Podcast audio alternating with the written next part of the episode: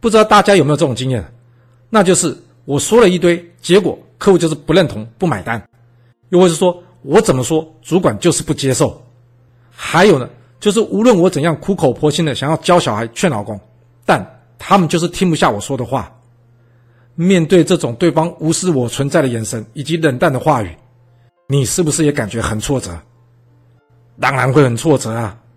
是，不论你是医师、律师、会计师，或是销售、客服、工程师，也不管你是老板、员工或是经理人，甚至啊，你只是在家里对着老公、老婆还有小孩，我们都会希望对方能听进去我们说的话。为了解决这个问题，有的人呢是努力上网去请大家给意见。也有的呢，则是努力看了一大堆教人如何提升沟通技巧或是业务技巧书籍；更有的人呢，是去上了一堆如何跟人沟通，或是向成功的超级业务员学习业务话术跟业务技巧的课程。但不知道大家会不会有一种感觉，那就是我们在听人家说或者在学习的时候，都觉得，哎，对方说的很有道理，很有用哦。但一旦轮到我们真的要将这些学到的技巧拿出来使用的时候，就会发现。哎，怎么总觉得哪里卡卡的，觉得没有办法得心应手？嗯，这是怎么一回事啊？是因为我们练习的不够努力，并不是好吗？还是因为我没有超级业务员的反应能力？别开玩笑，一般人当然不会有啊。又或是我们天生就是据点王，缺乏沟通的能力啊？想太多，你没有那么多天生的据点王好吗？那告诉你，其实啊。这些都不是真正原因，真正的原因是，不管你学了再多的沟通技巧或是业务话术，要是你不知道开口说话第一件，也就是最重要一件事，那就是你必须见人说人话，见鬼说鬼话。结果你是见人说鬼话，见鬼说神话。那我可以肯定的告诉你，就算你说的都很对，也很有道理，但对方听了就是会很害怕。人家只是冷淡的回应你没有跑掉，已经算是好的。没错。想要做好沟通这件事，重点绝对不是只有说话的技巧，这最最最重要的重点是，你要怎么在开口之前判断对方是人还是鬼啦，然后再决定要怎么跟他说话。这就像你在跟法国人说话一样，如果可以，你觉得你会使用法语还是普通话来跟他交谈？当然是法语啊。是啊，这就对了，这道理不是显而易见吗？就算你的沟通技巧再好。要是你跟对方不在同一个频率上，那是很难沟通的。那接下来重点来了，我今天就是要教你如何打开这沟通技巧的天眼，让你有办法辨别对方是人是鬼还是神。不过在开天眼之前，我希望大家先了解一件事，那就是我们必须了解每个人的决策或是思考逻辑并不是一样的。我就拿买东西这件事来举例吧，大家都买东西的经验吧。那不知道你有没有发现？有的人买东西的时候，他在乎是这东西是不是最高档或是最贵的，但有的人却只在乎这些东西的 CP 值够不够。至于高不高档、贵不贵，并不是重点。而还有人呢，他们根本不考虑 CP 值，他们只在乎啊这东西够不够炫、够不够酷、有没有人抢着要，还有呢就是他能不能拿出去跟朋友炫耀。更有人是啊，他们只在乎大家对这东西使用之后的评价是什么。明明是买同样的东西。每个人判断逻辑跟思考方式都不一样，那我请问你，你是要如何用同一种说话的方式或是内容去跟每个人沟通？了解了这点之后，你就会知道为什么许多业务的话术或是沟通的台词，我们无法用得心应手。是的，千万不要以为一句话能适用百种人。打个比方来说吧，要是对方觉得买电动车就是要买特斯拉才够高档，但你却跟他在比较各家电动车的 CP 值。那这不是在跟鬼说神话吗？你觉得对方听得进去吗？不管你多能说，但不在同一个频道里面，你想要好好沟通，一个字难呢。在这里，想要先强调一件事，那就是沟通并不只是说话，更不是滔滔不绝讲一大堆大道理。而见人说人话，见鬼说鬼话，并不是要你牺牲你的目的或是原则，因为啊，那不叫沟通，那叫做附和。我在这边要说的是。若你想要别人听进去你说的话，那就必须找到对方的频率，并且将你的说话频率呢调到与对方一致。就像前面说的，跟法国人沟通要说法语一样，这样的沟通呢才会有机会成功。那我们要如何找到或者分辨对方的频率呢？有兴趣朋友可以去看看我很喜欢的一本书《鬼谷子》，里面写的非常清楚沟通的方法，但有点麻烦是它是文言文，加上呢它有点理论性质，所以实际执行上可能需要再内化一下。不过别担心，除了鬼谷子之外，我这边呢还有一种既简单又快速可以开天眼的法则，那就是 DISC 法则。是的，运用这 DISC 法则，我们就可以快速打开你沟通技巧的天眼。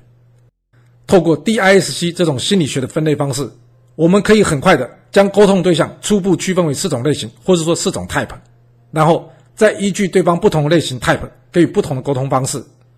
就拿前面例子来说吧，若对方在乎的是他心中认定的高品质、高档东西，那沟通重点呢将会是围绕在高品质的定义，或是愿景以及选项的设定。然而，对方若是在乎的是是不是很酷或者很炫，这时候。提供美美的影音图像就能起到很大效用，但要是对方在乎的是大家对这东西使用的评价，这倾听以及保护就变成突破他心防的利器。最后，若对方只在乎的是 CP 值，那沟通方式除了有详细的逻辑以及说明之外，最好呢还可以辅以资料以及数据，是不是？明明是同样一件事，但却会因为对方的类型或是 type 不同，而我们的表达方式呢需要有所不一致。至于要如何区分对方是何种类型或是 type 呢？先别急，因为这内容有点多，所以呢，我会在接下来视频中再找时间陆续说明。大家若是有什么想要了解部分，也欢迎留言告诉我。可以的话，我会在视频中一并说明。这里附带一提，我并不是什么天才型沟通专家，也不是什么超级业务员，甚至呢，我很少对人说好听话，更讨厌那些说话夸大不实的人。我每天到公司就是想要把公司交代的事情做好。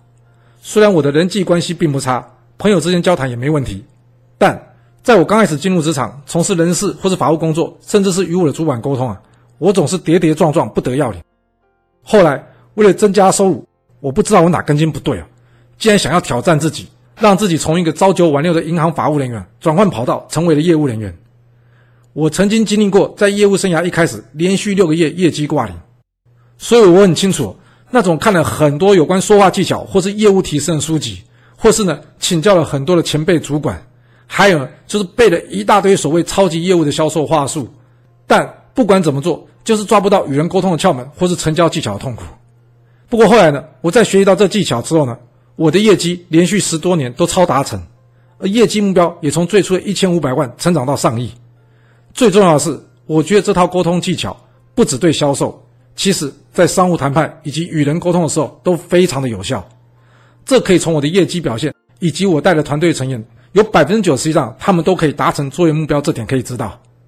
所以呢，目前退休的我，想说将这内容分享给大家，希望对那些跟我有过一样问题的人能有所帮助。别误会了，我不是要教你销售话术，真正要教你销售话术，应该是你公司，不是我。